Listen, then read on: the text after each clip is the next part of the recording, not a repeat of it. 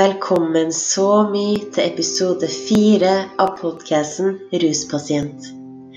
Mitt navn er Merete Rabben, og jeg er tidligere rusavhengig.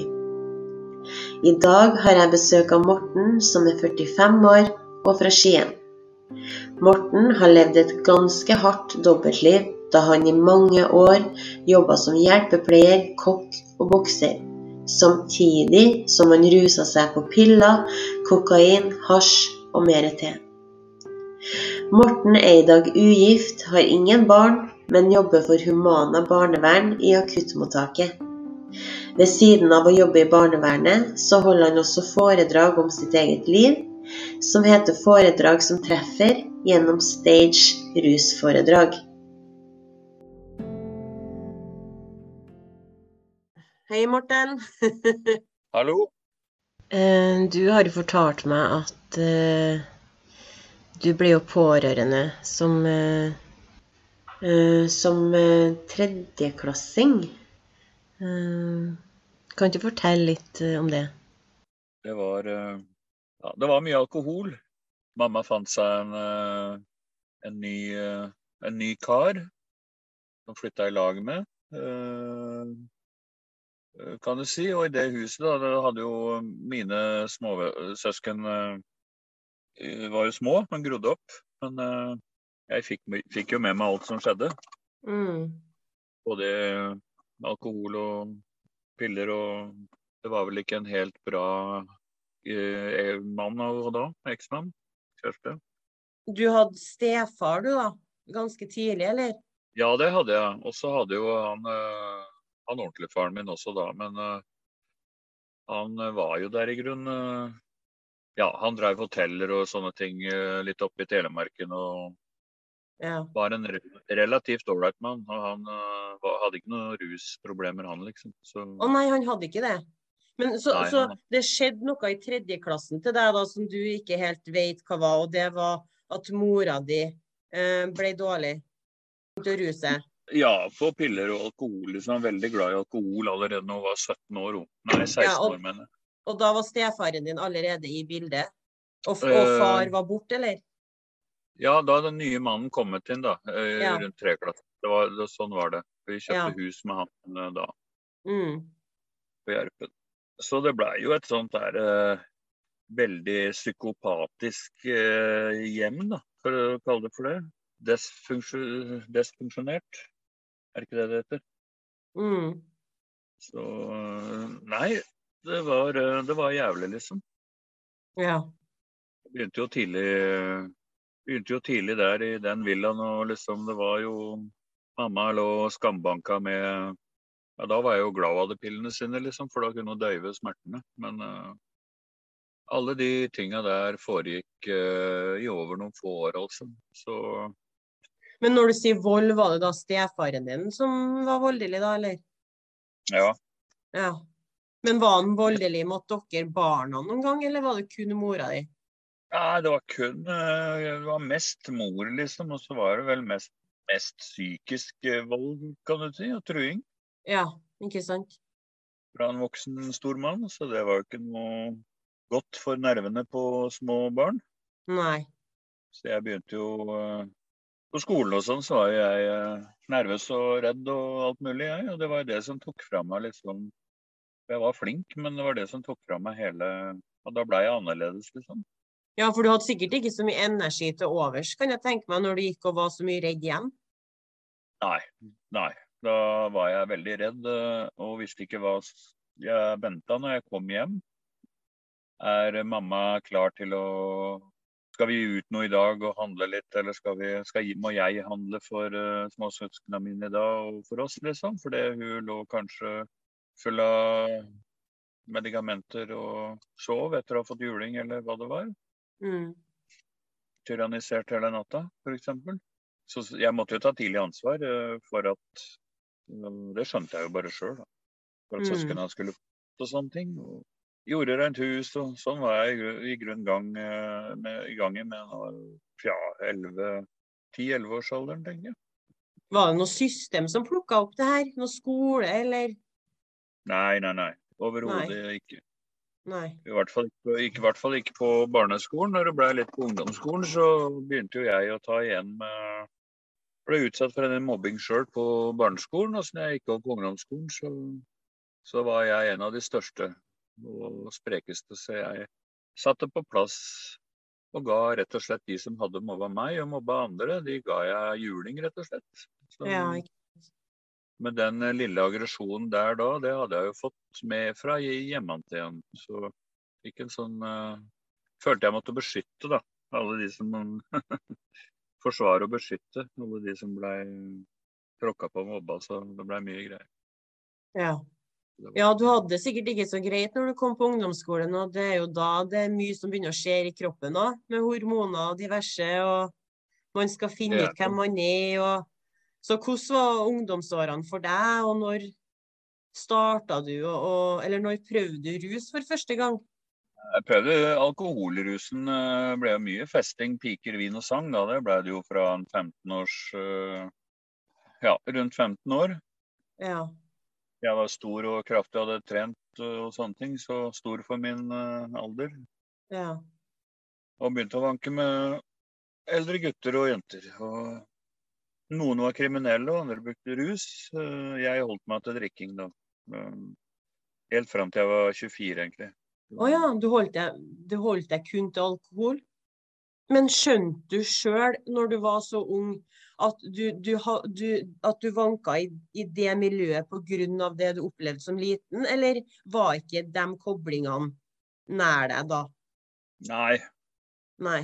det var, det var det ikke. Overhodet ikke. Nei, for jeg Jeg- tror ikke man skjønner det sjøl, når at Nei. ting skjer så tidlig.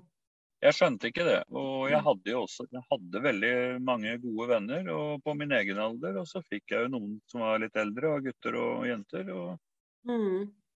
uh, jeg var kanskje litt sånn voksen for alder nå, så jeg passa inn hos dem òg, da. Og det uh, Sånn blei det bare. Eh, Det Mm. blei mine.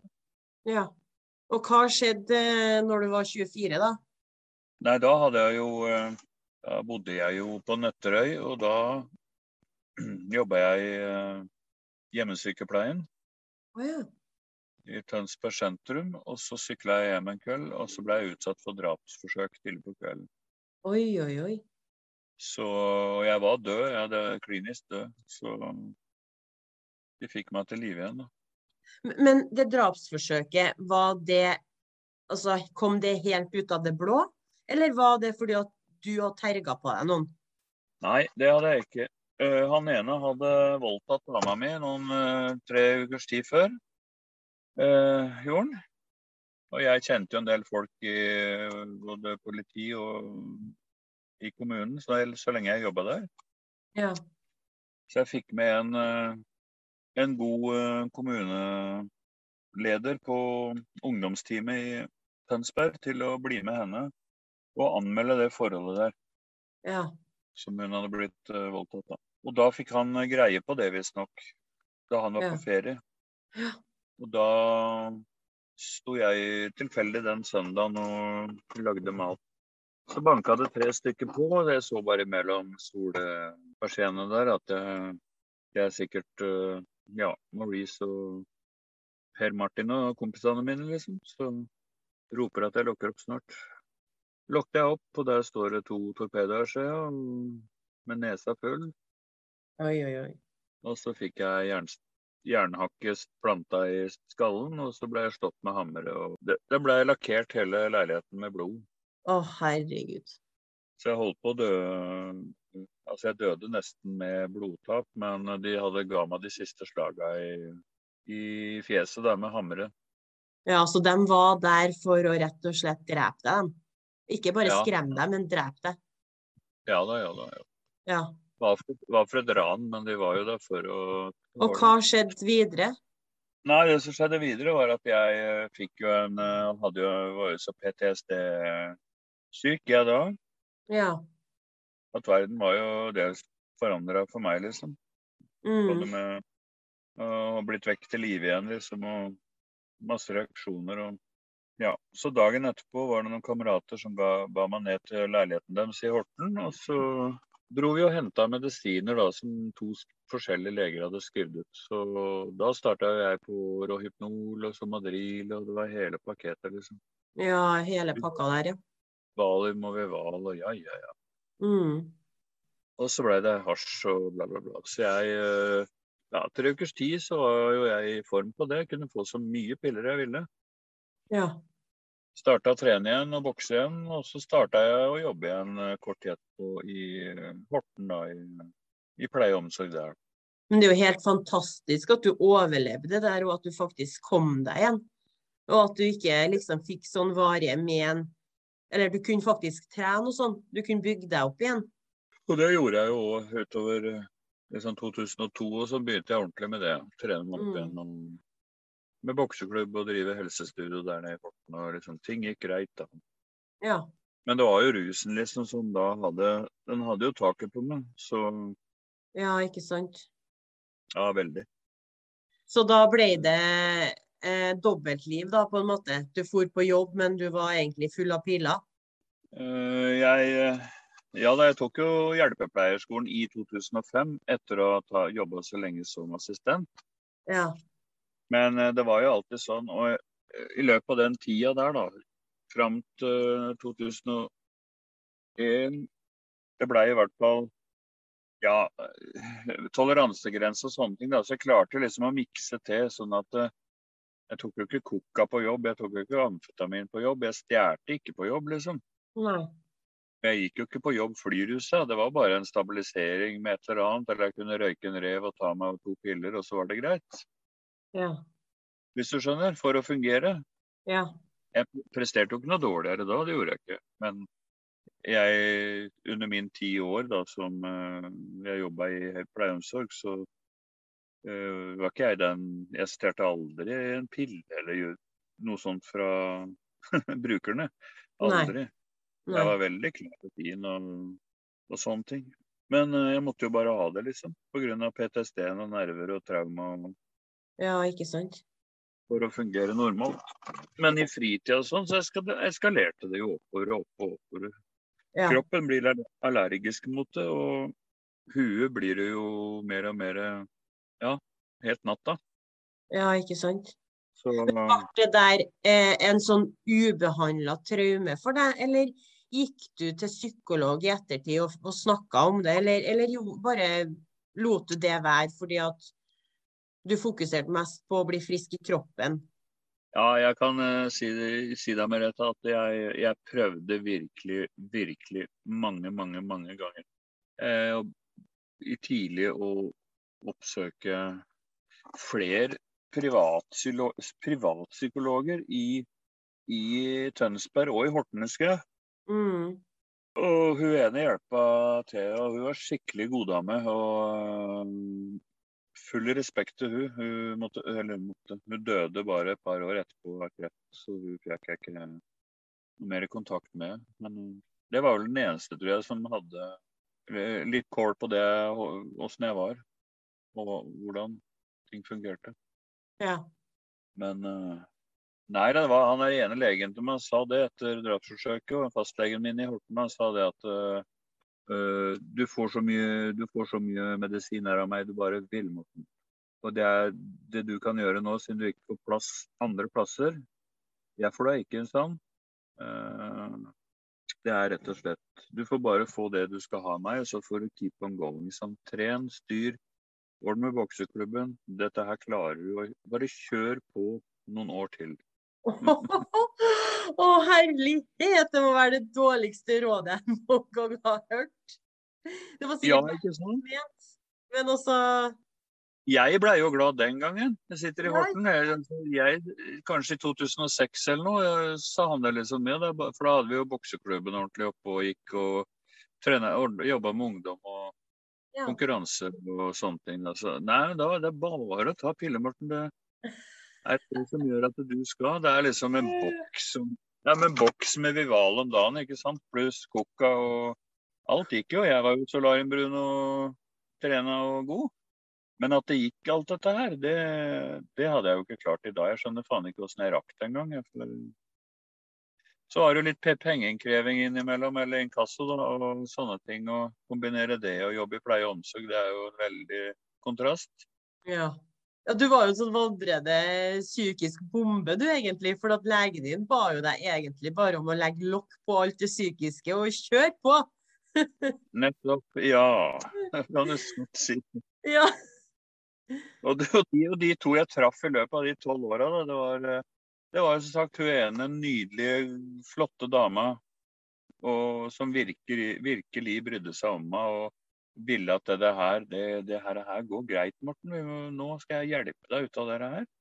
Men så døde hun da, og da var det jo Ja, ja for det er jo vanskelig òg å finne tid til å hjelpe seg sjøl psykisk. Eller å komme seg til, eh, til å gjøre det når at det egentlig går greit på overflaten. da. Og du har det Mm. egentlig som plommen i egget sånn ellers. sant? mm, Men, eh, men hva skjedde da? Det her eh, rulla og gikk sin gang fram til Nei, det rulla og gikk, det. Og Mm. eh, alt gikk egentlig. Både et jobb og hadde jo akkurat gått inn i et langt samboerskap 2006, og det varte til 2012. Ja. Med bonusbarn og liksom sånne ting. Og Mm. Jeg hadde eget hus også, hvor jeg hadde kjøpt for svarte oppdragspenger, husker jeg. Så liksom hadde det greit. Og når det gjaldt rus, om det var piller eller annen type rus, koka, det fikk jeg jo så å si gratis. Så Og du hadde fortsatt de samme reseptene dine, eller? ja, ja, ja. Ja. Og flere år, liksom. For da hadde jeg jo fått så gode kontakter at uh, i den underverdenen jeg jobba i, da, og vårt team, da, at, uh, at jeg fikk jo, eh, siden jeg var på krevde inn litt penger og litt dop for andre som ikke hadde betalt for seg innimellom, så hadde jeg jo egentlig fri tilgang på alt gratis. Ja. Og jeg var flink i den jobben der, og det var derfor de ville bruke meg. Ja, sant. Jeg holdt på fire år med det, da, og så klarte jeg å melde meg ut av den eh, norske teite kjernen i Vestfold. Ja. Ja. Jeg tror det går bra med alle de guttene der også nå. Det er bra. ja, det er jo kjempebra. Det er jo veldig bra. Så hva skjedde med samboer og bonusbarn, da?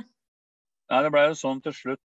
Vi var sammen i syv år, og, og hun og meg eh, Ja, altså hun hadde begynt å ruse seg litt, hun nå, da. Mm. Det er jo ofte, det er jo ofte sånn at de gjør det, så lenge den du vil ha og elsker deg, gjør det liksom og ser kanskje noe litt kult ut der, eller deilig, eller Så hun begynte å røyke litt hasj og sånne ting, da. Og så På grunn av deg, liksom, og det hun så Ja, jeg vil, jeg vil si på, på grunn av meg, men jeg pressa jo ikke til det. Men uh, gjorde vel det for å holde ut. Og innimellom da så begynte jo jeg å kjenne det at den ble dårlig, da. Det var et rimelig høyt uh, Ja, naturlig nok så blir det jo et høyt inntak. Og ja. Så det ble jo mye sånn fasadeliv for meg, da. Med sånn Ja. dobbeltliv. Samtidig Så- som hun begynte å røyke litt hasj, sa du? Ja, og det var jo ikke det, Ja. da. Og det var ikke Mm. derfor. Men øh, hun gjorde nok det for hun syntes det var godt òg, liksom. Men øh, så var det litt coca og amfetamin på hun innimellom. Og så Mm. for å piffe opp sexliv og for å piffe opp andre ting, da. Ikke sant? Ja, ikke sant. Det er jo sånn det er, det. Ja. Ofte. Nei da, det gikk i røkk og nakk. Jeg mista aldri jobb på grunn av rusbruk eller noe. Det gjorde jeg aldri. Jeg øh, skjønte når, De gangene det gikk så ille da, at det Fra 2008 kanskje, øh, rundt da, hvor det ble en del sånn væpna aksjoner hjemme og ja.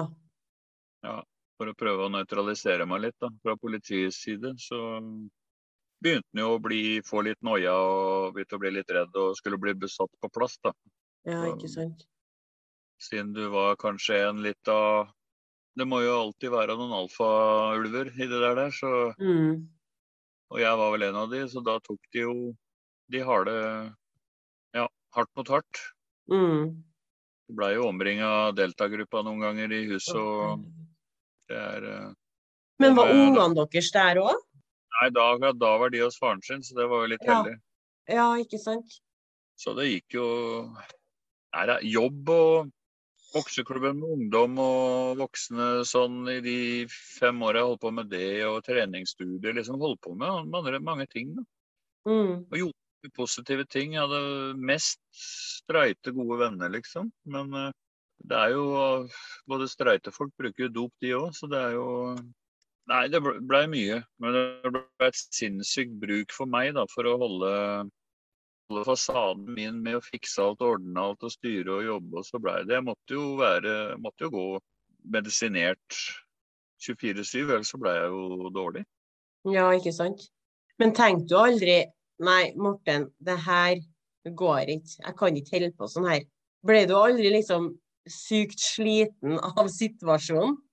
Jo, jo, jo. Jeg, jeg, mange ganger lå jeg hjemme, og da jeg begynte å bli sjuk i kroppen, kanskje allergisk mot, mot mange stoffer, da, allergisk mot både hasj, koka, amfetamin, ble skamdårlig, ikke sant. Så ja.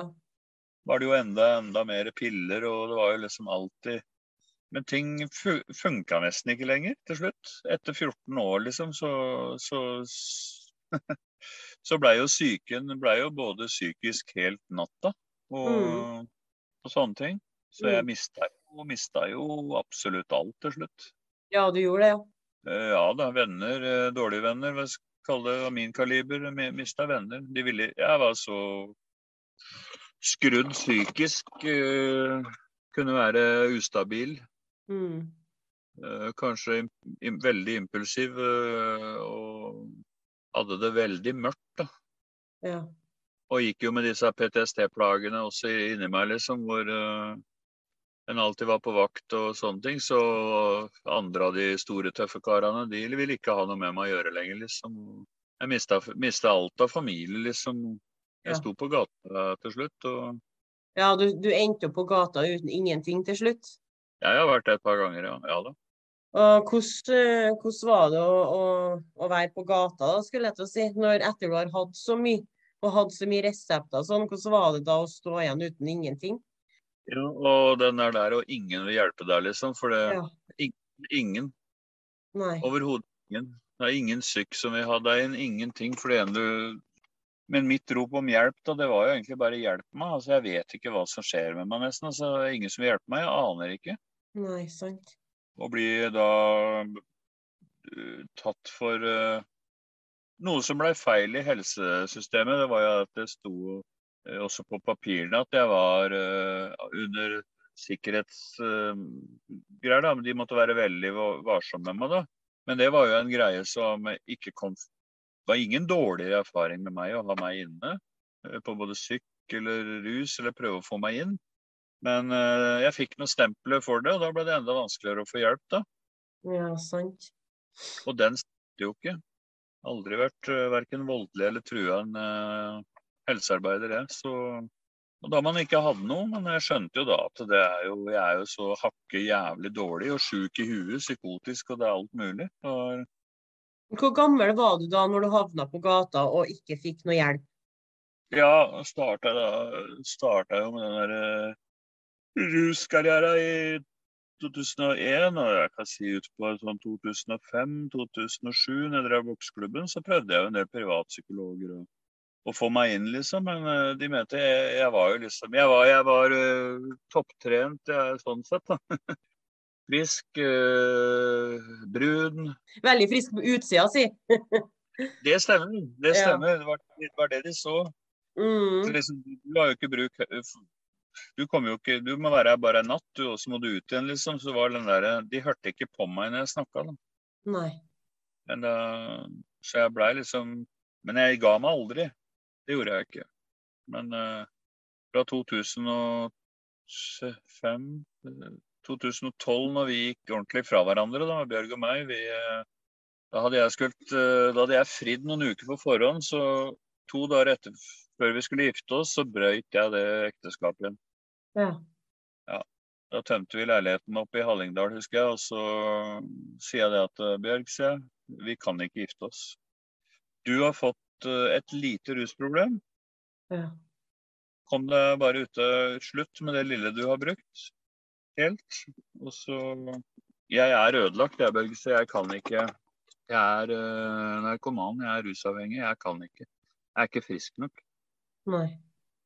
Så Nei, men du kan være litt i lag med meg i Tønsberg, sier du. Og så kan jeg hjelpe deg litt sånn, og så kan vi spise middag sånn sammen. Og du kan bo hos meg litt innimellom, sånn hvis du roer deg, liksom. Så det holdt lite grann noen måneder da, i 2012-2013. Og, så, og så skjedde det et par ting der eh, andre plasser som jo, gjorde meg eh, egentlig enda mer klin gæren. Måtte yte vold eh, litt. Grann. Mm. Ja, jeg blei klinka til først, da, men da tok jeg det mennesket så jævlig at uh, det blei en 100 000 kroners dom for hodeskader. Og så fortsatt så dårlig, vet du, at uh, Og da, da flykta jeg til Sveits, rett og slett. Solgte, solgte den stasjonsvogna jeg hadde av bilen da, og så i Drammen. Og så tok jeg toget ned til Sveits i råabstinenser og tenkte at nå skal jeg ned der til familien min. og og rett og slett bare ruse meg, kose meg. Ja. Og ruse meg, og ruse meg til døde. ja. Det var planen Så- din. Så, så på bånn var jeg da. Du hadde planer om å ta livet ditt, egentlig, du da? Ja. Du hadde fått nok? Ja, jeg hadde det. Jeg hadde det. Litt tilbake til det du sa i sted. Hvordan er det egentlig å, å, å yte eh, så stor vold mot et annet menneske? Altså, hva, hva føler du etterpå når du har gjort et annet menneske så vondt? Hva sitter du igjen med, liksom? Nei, altså I normal eh, tilstand nå, da Ja. Eh, Jeg er jo bare snilleste gutten, jeg, liksom. Men det er eh, Nå var jeg jo i råabstinenser. Mm.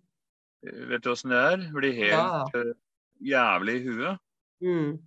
syke nerver, og så blei jeg sparka til i, i, i huet mens jeg Det var bare sånn det, Jeg husker jeg, skjønner du. Vi var rimelig anspent og svetta begge to. Så øh, var det et eller annet kjefting på forhånd, og så snudde jeg bare meg til. Bøyde meg ned og knøyt den siste skoen, og da fikk jeg meg et spark i halsen. Og jeg som gammel øh, bokser da, jeg snudde meg bare resolutt og ga en venstre hal. Ja. Og det var nok for eh, Det var nok for eh, å skade det mennesket. Eh, en affekthandling, da. Ja. Jeg slapp unna med den i rett, Mm. eh, men det kunne vært mye styggere. Jeg kunne tatt livet av mennesket. Så ja, ikke sant. hva skal jeg si, ansikts- og hodeskadene nå er bra, liksom, og mennesket fungerer helt tipp topp. Mm. Så det, det er jo bra. Ja, det er vel godt for deg å vite at du ikke ga et annet menneske varig men. Ja, ja, ja visst. Mm. Det var det. Men hva skjedde når du kom til Sveits, da? Nei, da traff jeg jo eh, min mor eh, og lillebror der, da. Lillebroren min bor der enn den ene, men eh, moren min er jo død. Eller vår, da. Mm. Død tidlig av alkoholskader og kreft. Mm. Ja, så det Nei, der nede blei det jo Jeg skulle ha den uh, alpeleiligheten der med alpehuset der i en måned, mens de skulle til Skien, til Norge på ferie. Mm. Jeg fortsatte å kjøpe frisk, nyplukka cannabis fra alpegartnere. Såpass, ja. Ja da. Og kassevis med rødvin og hvitvin. Og fikk eh, tak i det jeg ville av coca og piller. Mm. Fortsatte der nede, egentlig. Jeg bare kjørte på. Mm. Jeg, så blei jeg til slutt funnet av naboene til mamma, og da hadde de ringt til sykebil, for da Det huska ikke jeg noe av, for jeg våkna på sykehuset. og Da hadde jeg hatt en uh, alkoholforgiftning, overdose, pluss eh, det blei mye Ja, det er mye morfin koka da, som gjorde til at det var vel like før eh, hjertet stoppa, tror jeg. Så Ja. Så planen din om å, om å ta livet ditt, det gikk nesten. det gjorde det. Hva gjorde du når du kom ut fra sykehuset igjen? Eller hva, hva skjedde når du våkna på sykehuset? Var du da sint for at du fortsatt var i live? Ja, jeg var vel eh, jeg- Ja, jeg var, jeg var rastløs. Jeg var liksom eh, Men det var liksom sånn at jeg ville jo helst gønne på enda mer, da. Ja. ja. Jeg var helt vill. Jeg var helt vill. Var Ja. Jeg trodde alle andre hadde gitt meg opp, og i hvert fall Norge, Mm. liksom. Så da hata jeg jo Norge, liksom. Så det var helt noe med sinnet, vet du. Ja. Men for en forferdelig situasjon da, å føle seg så uønska, og at ingen vil hjelpe deg. Nei, og jeg kan garantere det at akkurat da, i 2012, ja 11, 10, 11, 12, så var det ingen, jeg tror jeg tør å påstå ingen institusjoner eller syk eller noe som helst Mm. som ville ta meg inn. Nei. De trodde bare jeg var ute etter medisiner eller sånne ting. Og så hadde de danna seg noen bilder som kanskje gjorde meg for ustabil, farlig også. Ikke eneste jeg ville, det var jo bare å ha adekvat hjelp, da. Mm. Men det fikk jeg jo altså da ikke. Så det var jo Så hva skjedde da etter eh, sykehusoppholdet i Sveits? Du, da var det jo ut igjen, og så fikk jeg noen rare medisiner som de ikke har her, sånn at jeg ble kvitt alt jeg hadde i kroppen i løpet av et par timer. Ja. Var det sånn supermedisin, dråper? Ja. Mm. Jeg ble i grunnen eh, passe kvikk igjen da, men eh, så var det jo bare hjem og til mor og drikke litt grann igjen, og så smått. Og så tenkte jeg det at eh, ring, ring til den uh, klinikken opp, som du har vært på før, Morten, oppe i Sigma Nord Mm. utafor Evenes. Og så spør du der om du kan komme inn dit for en sjette og siste gang. Ja. Jeg ringte til en som heter Ivar der, miljøarbeider. Eh, Da sto jeg og grein ved en telefonboks nede i en liten alpeby. Svetten sto oppover. Så jeg, Ivar og griner, kan du hjelpe meg opp? Det er når du sier det der, at du står og griner i telefonen og svetten bare renner. Jeg, jeg kjenner meg igjen. Ja, jeg skal prate med, med, med Reiner og greier her, sånn, og så skal, skal og Så ringer jeg opp igjen i morgen, Morten. Så skal jeg ha et svar til deg. Mm. Da gjorde jeg det, og da kom jeg opp. eh, Men jeg måtte vente i Tønsberg litt, da. Men jeg fikk eh, rota meg også så vidt jeg torde å ta fly hjem igjen. Jeg elsker å ta fly, men jeg var jo så dårlig i nerver og psyken og angst og alt at det jeg, Det er ikke kødd, liksom. Svetten bare går på sida, liksom. Ja. Så jeg fikk nok eh, piller av Jeg fikk faktisk tre pakker med Tre store pakker med med, med sovepiller og diazepam og Mm. litt sterkere valium de har der nede. Og gofla på med et par pakker før Mm. og under flyturen. Kom meg Mm. til Tønsberg. Lå på en sånn Nav-hytte da, ute på Ringshaugstranda i Tønsberg, husker jeg. Og da blei jeg selvsagt eh, dårligere og dårligere, og holdt meg, holdt meg vel eh, relativt eh, nesten fri da. Ja. Før jeg kom opp dit, da. Før jeg kunne fly etter tre uker. ja. Hva skjedde når du la deg inn? Hvordan var den reisen for deg? Ja, den reisen var egentlig sånn at jeg hadde jo vært der noen ganger før, og jeg liker ikke tolvtrinnsbehandling, liksom. For eh, alle passa ikke til det. Og jeg, men jeg syns det var en jævla bra klinikk, da. Og det, Ja. tinga de hadde rundt. Masse bra mennesker. Men uh, jeg likte ikke helt det derre vi er bedre enn deg-opplegget, liksom. Nei. Og den der utsilinga de driver på med folk, da. For jeg er utafor saueflokken. Jeg Ja. er ikke Ja, du skjønner.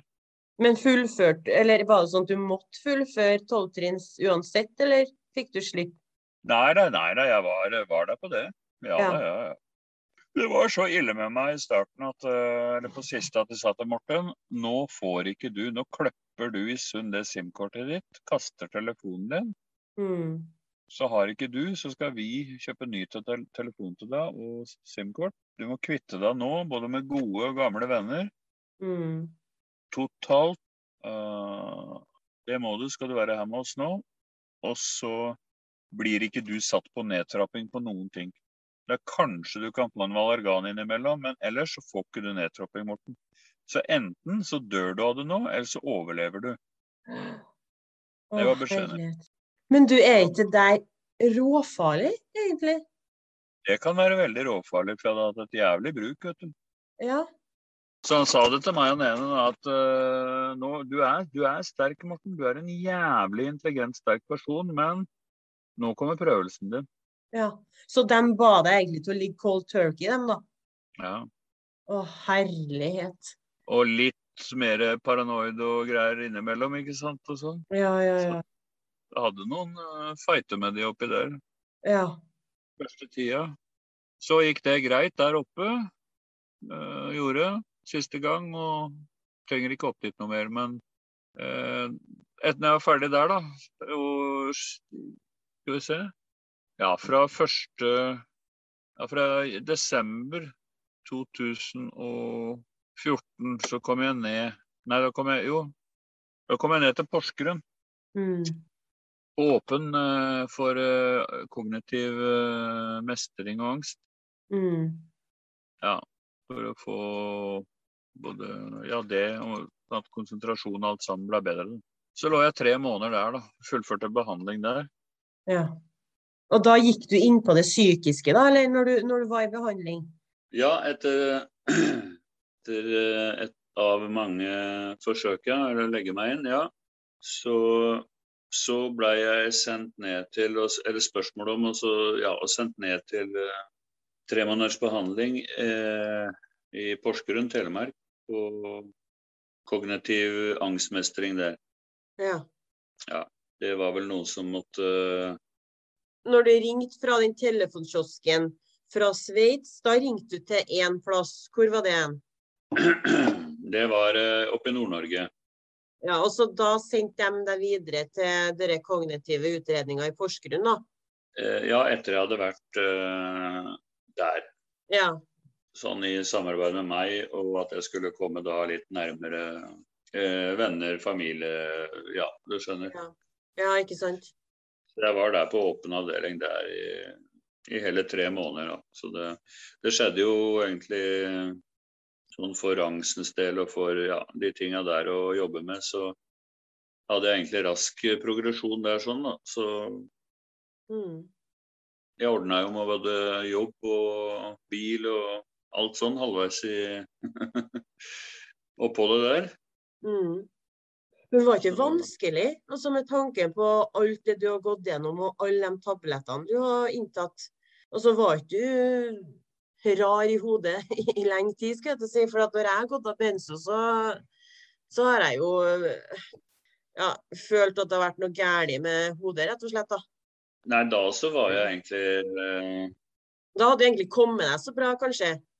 på den klinikken du var først? Ja, jeg hadde, hadde kommet meg bra, liksom. Jeg.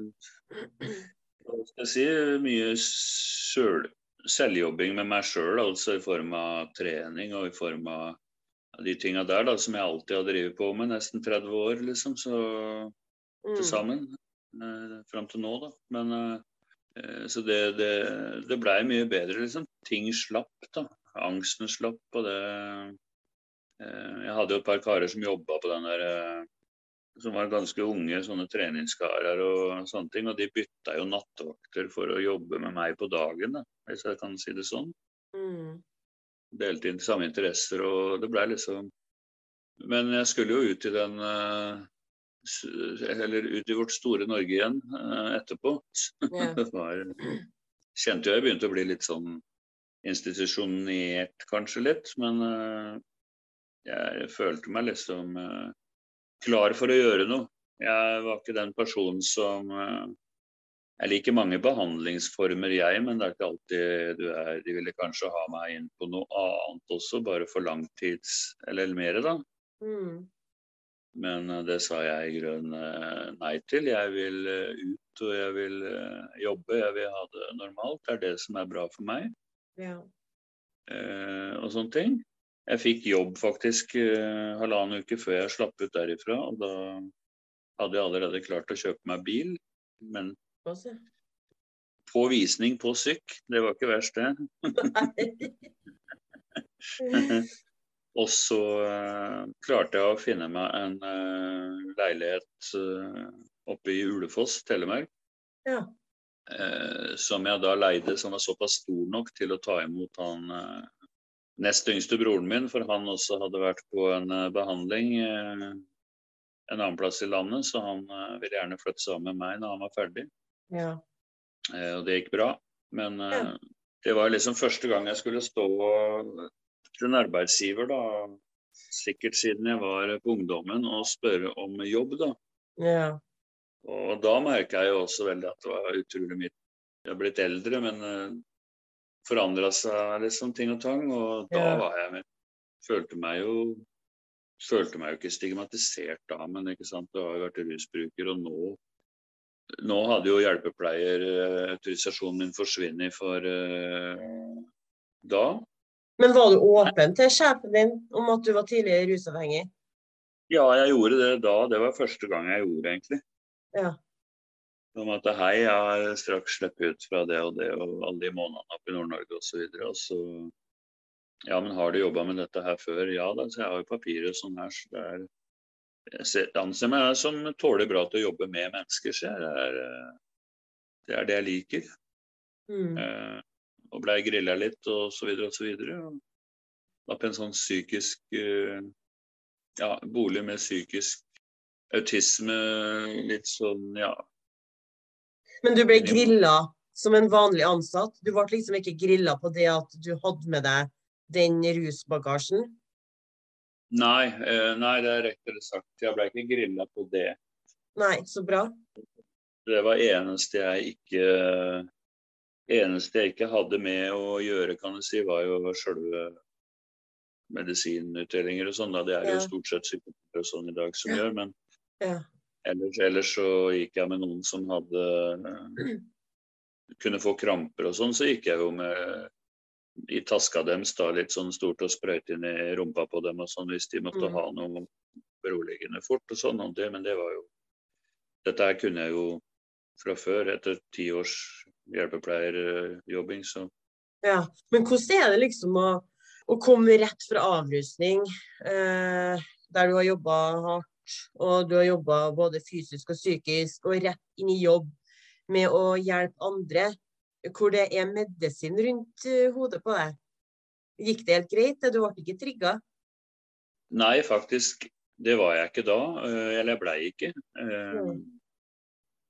Det kan vel, kan vel, være sikkert noen oppimellom som Altså, jeg bryr meg ikke om rykter eller noe, jeg, men jeg har aldri hørt noe om det heller. Men sjøl om jeg hadde et dobbeltliv på 2000-tallet hvor jeg var jeg var vel ganske Jeg var jo oppegående, snakka for meg, og det var, hjernen fungerte, liksom. Men jeg, jeg stjal jo aldri Aldri stjal jeg medisiner på jobb eller sånne ting. Det var jo ikke Det hadde jeg ikke hatt samvittighet til, og det var jo pasienter De var føre meg, så at jeg alltid mm. vært sånt uh, omsorgsmenneske. Mm. Og jeg brukte jo for så vidt ikke det. Det mm. kunne jo være egne piller sjøl eller en kokainstripe i nesa, liksom, og så var det greit resten av dagen. Mm, men du forstår at eh, Altså, jeg skjønner jo deg og hvordan du tenker, men du forstår at det er mange som sikkert tenker at jeg hadde i hvert fall ikke ville ansatt han. Det hadde ikke jeg tusja. Eller sånne som oss. Ja, ja, absolutt. Masse medisin. Ja.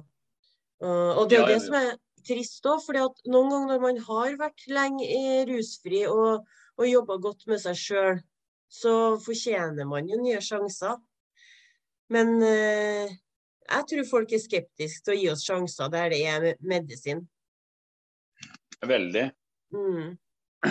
Det har jeg vært borti Det har jeg vært borti en del andre ganger hvor jeg har vært innom liksom som mm.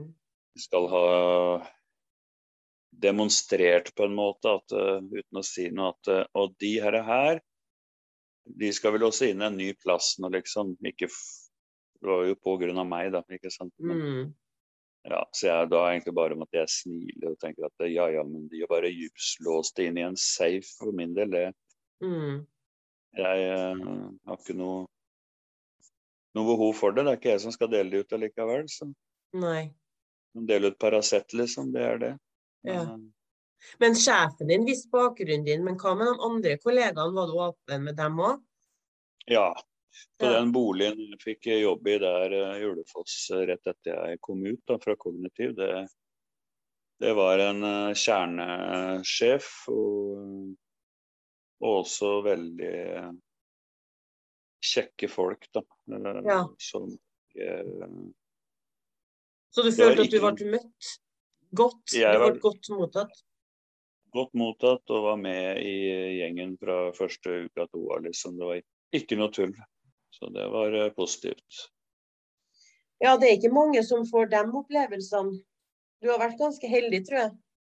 Eh, vært, eh, jeg har tatt noen veldige sjanser også, det har jeg. eh, Men jeg har vært veldig heldig med mange av de, da. Ja. ja, altså hvor lenge var du på den arbeidsplassen, da? Eh, nei, der ble det litt eh, Ja, der ble det egentlig ganske mye jobbing eh, utover der. Dette var jo på mars eller noe, tenker jeg. Jeg var ute der mars, og da var det rett Jeg fikk en tilleggsjobb i teknisk etat eh, i tillegg, som, siden jeg ikke jobba fullt med en gang. og så- som var da en bekjent av hun, hun sjefa mi, han karen. Så det gikk jo Ja, så de fremsnakka deg videre, på en måte? faktisk. Det er jo helt fantastisk. Altså, du har jo vært veldig heldig med dem du har møtt på veien din. Jeg har ikke den Ja, historien. historien. Men nei, det der gikk alt bare på Jeg skal alle være alle og hjertelig velkommen for den jobben jeg hadde gjort. Og det var liksom verdens tøffeste jobb. Og ja, se der går ut i krigen, så kommer du ikke som den samme tilbake igjen. Jeg har vært i krigen nå, så jeg vet akkurat åssen det er. Men Ja, ikke sant. Så fra den gangen da, så har du vært rusfri du nå? nei, det har jeg ikke. Nei, du fikk et tilbakefall? Jeg har hatt et uh, tilbakefall. Ja. Uh, det er første gang jeg sier noe på en uh, pod hos deg, Ja. Eller ja hva, skjedde, hva skjedde da når du fikk tilbakefall? Nei, det blei jo det Nå er vi jo tilbake til herrens år 14-15, og så jobba jeg der, og så traff jeg Flytta broren min til meg, og jeg jobba, hadde det bra der, hadde fast jobb egentlig. Mm. Fast, fast kar, så det blei jo full jobbing. Jeg traff kjærligheten på møteplassen. Mm. Den nettsida? Ja. Ja. Men i hvert fall ville prøve der, da. Og så traff jeg ei dame der eh, i Buskerud, Modum. Mm.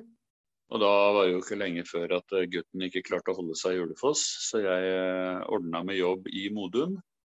Så jeg sa ifra på min, eh, min jobb da i Julefoss at jeg må snart flytte, så jeg jobba bare en kort oppsigelsestid der. Og da jobba jeg i, i Åmot i Modum, da. Åmot Vikersund.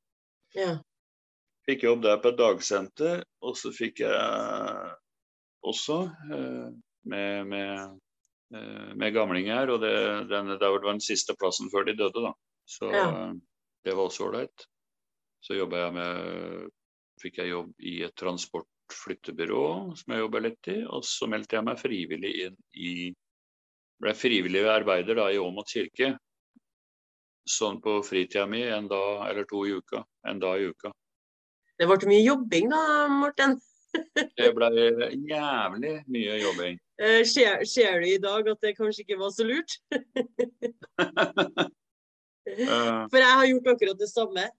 Vi bytter jo på en måte litt avhengighet. Jeg hadde jo Jeg tror jeg hadde fem baller i lufta på mitt verste. Med frivillighet og fast jobb og ditt og datt og tjo og hei. ja. Så det var jo utrolig givende, og alt var i grunnen sånn utenom vaktene mine da på helsegreiene, så var jo alt, alt greit, liksom. Og, men jeg trivdes og føltes at jeg hadde et godt miljø. Jeg likte å jobbe, pluss at jeg trena seks dager i uka. liksom Alt var greit, da. Og så videre og så videre. Mm. Men så ble det noe slutt med et forhold der, da. Kort tid etterpå. Mm. Og det ble vanskelig å stå i.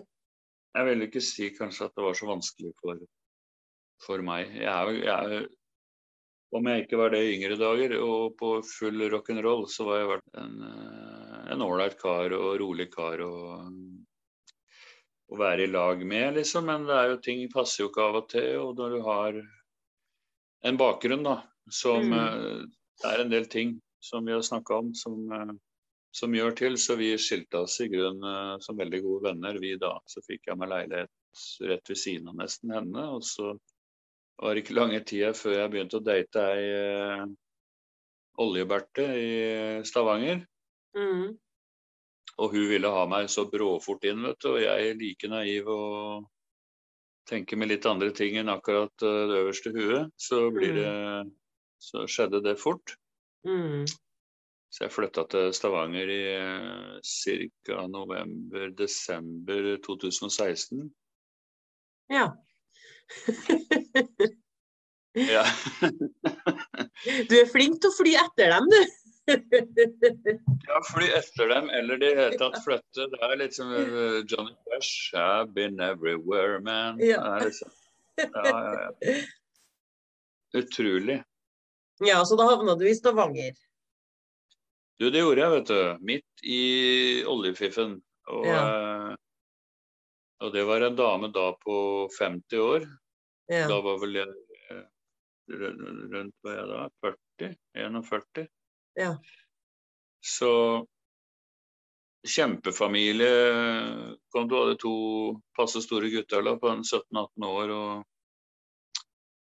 Stor, god familie og liksom ja, de tinga der. og Jeg hadde jo akkurat starta opp med foredraga mine, og sånn, så det gikk jo ganske bra. Mm. På det, min livshistorie og, sånne ting. da. Mm. Så det tenkte jeg skulle kunne liksom få solgt mer av i Stavanger og sånn, da, som er så stor by. Ja.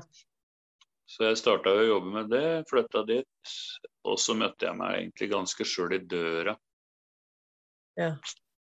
Ikke hennes skyld, det. Eh, for eh, da begynte sånne ting å gå opp for meg når jeg måtte plutselig ha med veldig mye alkohol i helgene, da. Vi jobba jo som pesten på dagtid, ikke sant, og sånne ting. og en uh, anstendig seniordame med høy stilling i Aker, eh, Aker Røkke og Gjelsten og, og sånne ting. Ja. Det som uh, Jeg driter i folk og hva skal jeg si deres status. Det er ikke så viktig for meg, men eh, jeg skjønte jo det da. Det blei mye, det ble mye festing, rett og slett. Ikke narkotika, men rus er jo øl. Alkohol, da Ja. er jo syndens pøl når det kommer blir for mye av det. Mm. Det ble jo sånn at hun ville helst feste hver fredag til søndag. Mm. Kontinuerlig.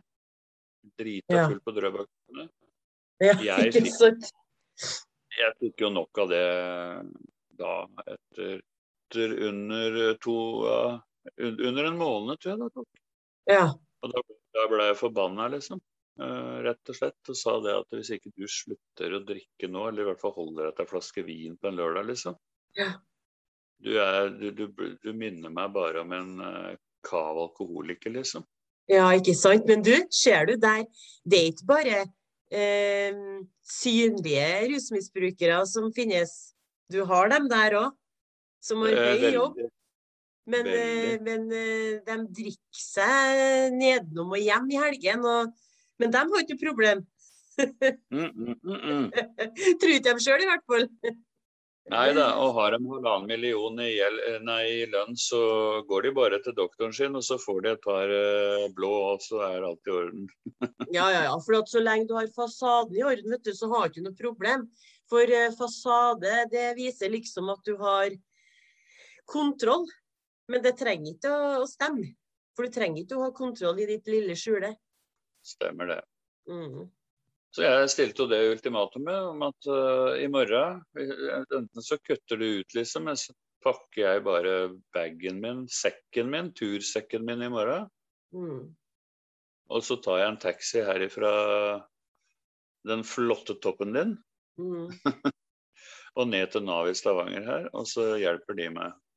Om yeah. jeg så skal jobbe, sove i, ga, på gata i natt. Nei, nei, nei, nei, nei, det kunne jeg for all del ikke, liksom. Det ødela jo helt en Jeg så ombestemt, så nei, jeg hadde faen ikke tenkt å slutte å drikke bare pga. meg, liksom. Nei vel, greit det. Men da valgte jeg bare- rusen før deg, da, rett og slett. Og gjorde det. Og da sa jeg bare takk for meg, og så sier jeg da, da kom søskenbarnet mitt opp og hente resten av flytteløset mitt. Ja. Jeg ber han ringe deg, og så siden det så ble det ikke noe mer. Men det sier jo Men litt om deg, da, Morten. At du valgte å dra ifra ei dame som hadde alt, egentlig. Eh, bra hus, bra jobb, eh, bra penger, pengesaldo på kontoen. Og så velger du, da, som er rusavhengig, å dra fra hun som ikke er rusavhengig, i hermetegn. det er jo sykt bra gjort av deg, da. Eh, ja, i ettertid så har jeg jo syntes at det var et utrolig godt valg sjøl, så det Ja, for at den rusavhengige i deg hadde du egentlig kunnet hatt det som plommen i egget med hun. Drukket mye i helgen og hatt masse penger og ingen bekymringer.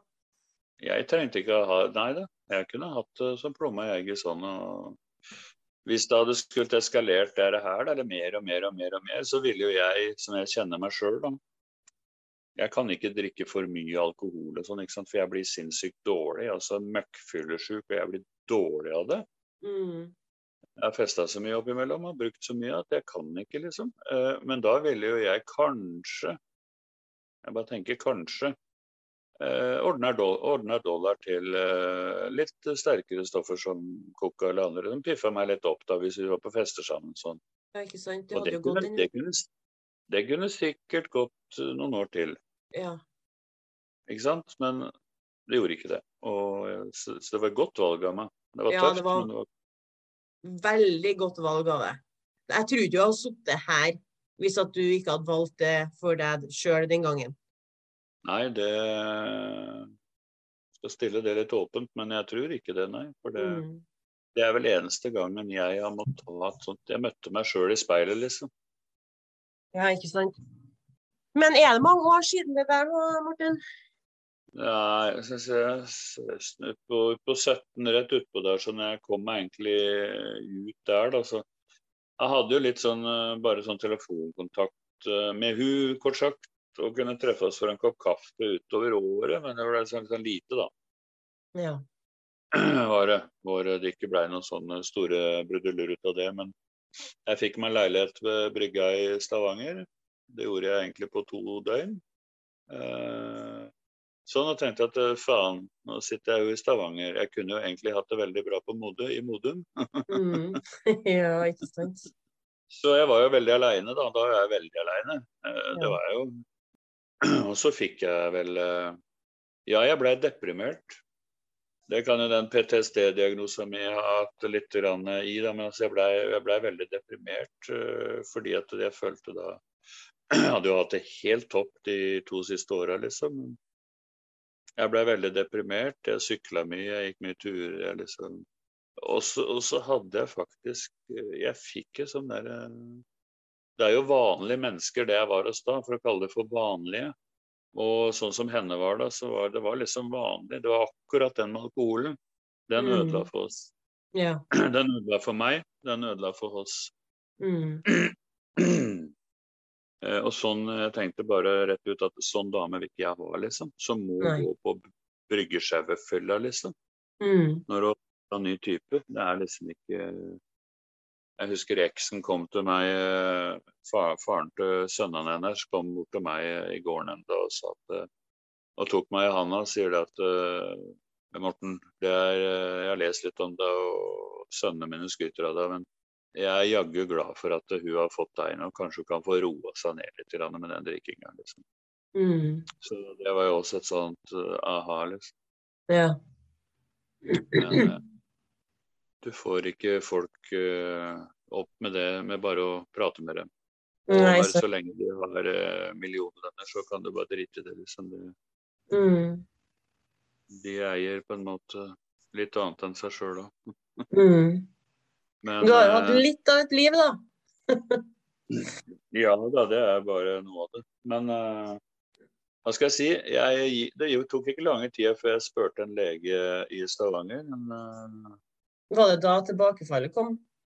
Ja, for jeg, ja, jeg, var, jeg var rett og slett så aleine. Jeg var lei av å være aleine. Men var, det var, da hadde jeg et følge liksom Si to over to år cirka sammenhengende, da. Sånn, Mm.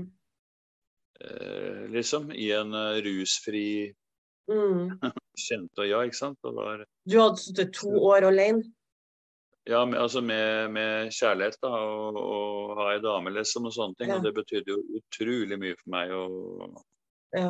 å miste det for andre gang og sånn. ja. Nei, men det er ikke bra for, eh, for sånne som oss eh, som har den sykdommen vi har, at vi blir sittende for lenge alene. Nei, nei, nei. Det, For det, det åpner så mye sår, på en måte. det gjør det. Men eh, også ensomhet er jo ikke bra for noen. Uansett. Men hva skjedde da når du gikk til legen i Stavanger og du ba om piller igjen, da, eller? Da ba jeg om eh, morfinpreparater og eh, diazepam. da. Mm. Hva tenkte du da når du satt og ba legen om det igjen? Nei, jeg, jeg, det var bare en tid, for jeg kjente jo ikke leger, så jeg bare tok en bylege der. Sånn, som, sånn, så jeg kunne jo egentlig bare Ja, hva er det du har pleid å bruke, eller hva er det sånn eller sånn eller sånn. Så at, uh, da kom jo, kom jo doktor Morten inn. ja. Med Ja, nei, det hadde vært fint med, ikke sant. Og han blei det jo, da. Mm. Valvival, valium, de tinga der. Og det var jo egentlig ikke det jeg higa best etter da.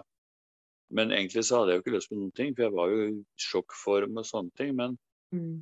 jeg var vel også så deprimert. Jeg, det, det må jeg si. Ja, jeg hadde lyst. Jeg kjente at noe begynte å jeg, jeg, jeg vet ikke Merete nå om jeg satt og så fikk eh, Om jeg hadde rus.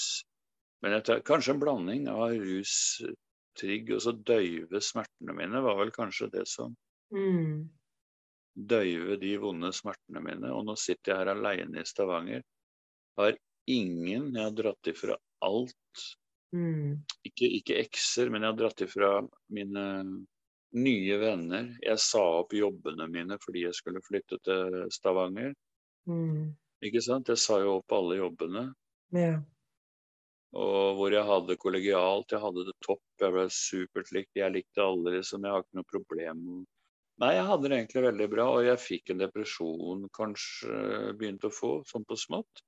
Løsninga da var jo selvsagt ikke å gå til en lege.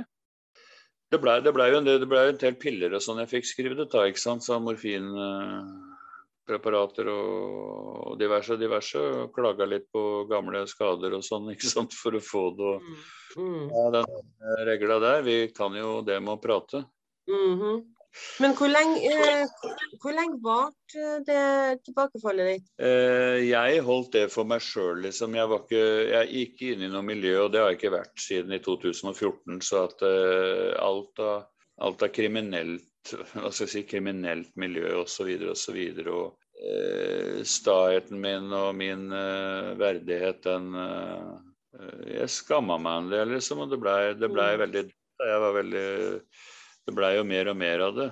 Og jeg fikk jo Så det blei mye, mye, morfin uh, for å roe ned det var, ikke, det var ikke det beste for meg, men jeg, jeg, brukte det for å Jeg følte da at jeg hadde mista alt, uh, alt igjen her i livet, liksom. Så etter å ha kommet mm. meg så mange ganger opp, så gjorde jeg vel det. Men jeg hadde det fint, og ikke at det det betyr det meste, da, men jeg hadde det fint. Fint kåk.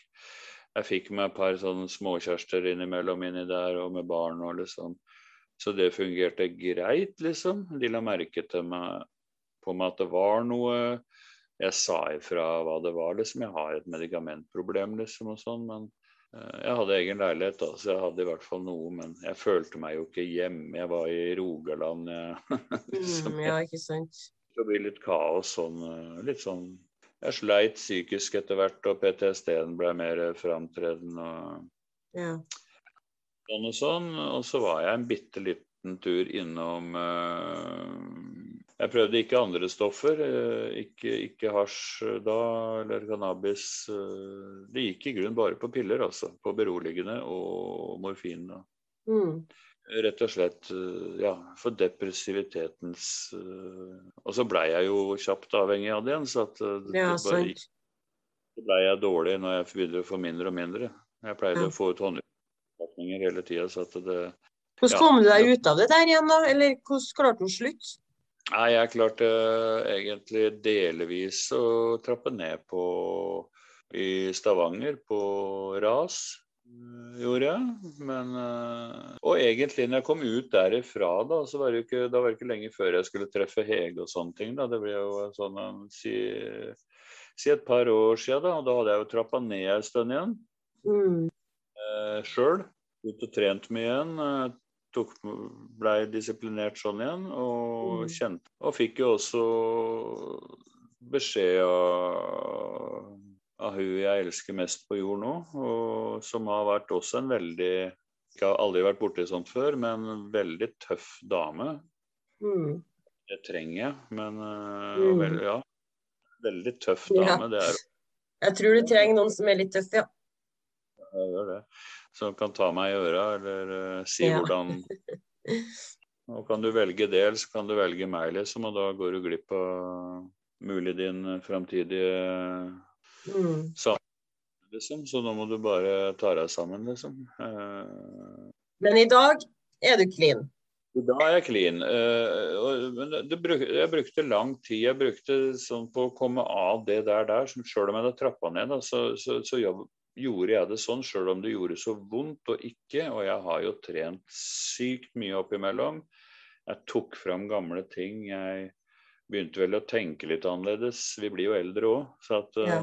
Eh, begynte å tenke annerledes. Ta fram uh, virkelig vinnergutsen i meg Mm. sjøldisiplin, være litt mer positiv egoist. Mm. På, du skjønner kanskje hva jeg mener? Positiv egoist må du være for deg sjøl. Skal du klare Ikke egoist for andre mennesker, men må holde på de der tinga da, som Mm.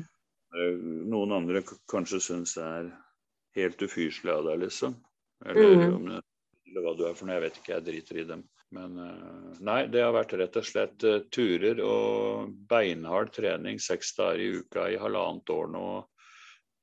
La meg si altså bygd seg opp, da. Og ja, både hjernen altså, Hva skal jeg si Det lille som er igjen oppi her, det fungerer. Ja. holder det ved like. Ja, ikke sant. Og så du du har jo egen bolig, og du har fast jobb. Ja da, jeg jobber i Humana private barnevern nå, ja. Mm. Ja, det er jo kjempe, kjempebra at du har fått jobb der. Så utenom jobben så driver du jo også med foredrag som heter 'Foredrag som treffer'.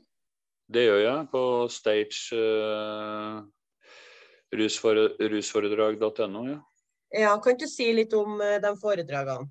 Det kan jeg. Det akkurat eh, i november nå i fjor så ble det jo skifta ny eh, med de samarbeidspartnerne mine og ny reklame i Buskerud.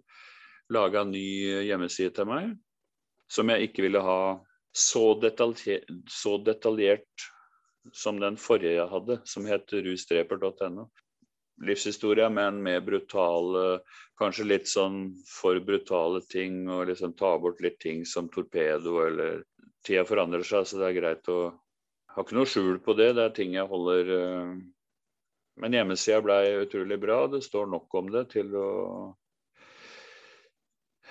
men i i covid-tida har det ikke vært lett uansett for noen å drive noe som helst. Så det ligger jo for Det ligger der, men det ligger brakk. Mm. Der ennå. En må bruke penger for å tjene penger, reklamere osv. Mm.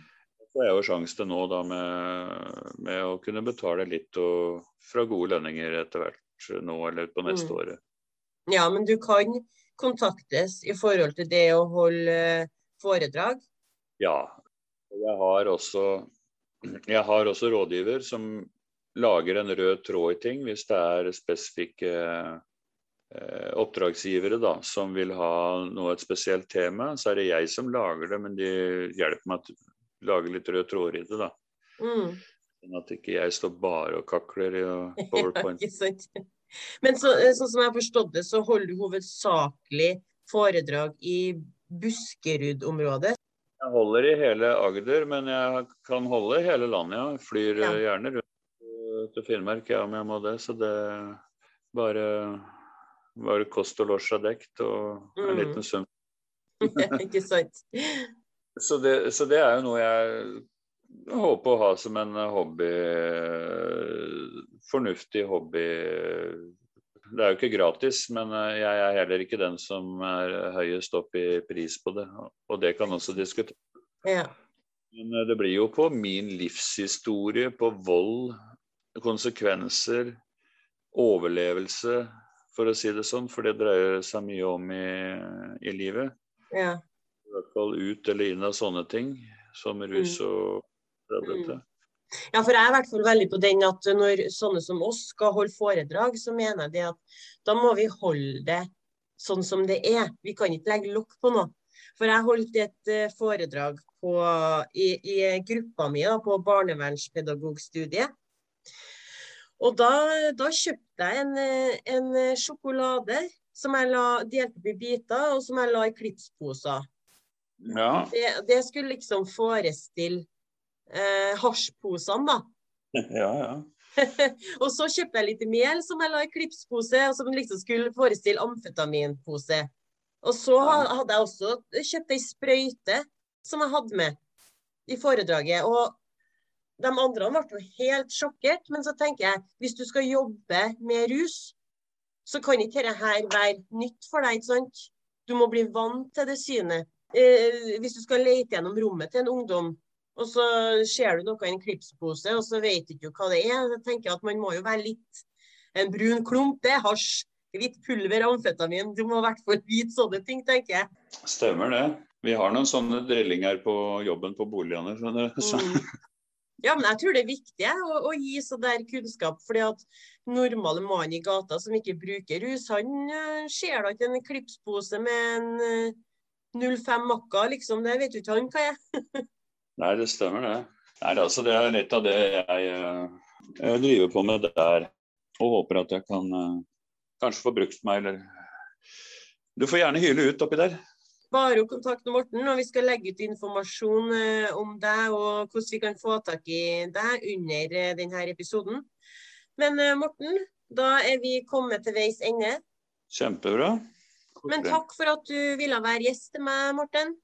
Takk for det. Så vi holder du... kontakt, vi. Så får du ha en god dag videre, du òg. Takk for takk. at du ville ha meg. Bare hyggelig.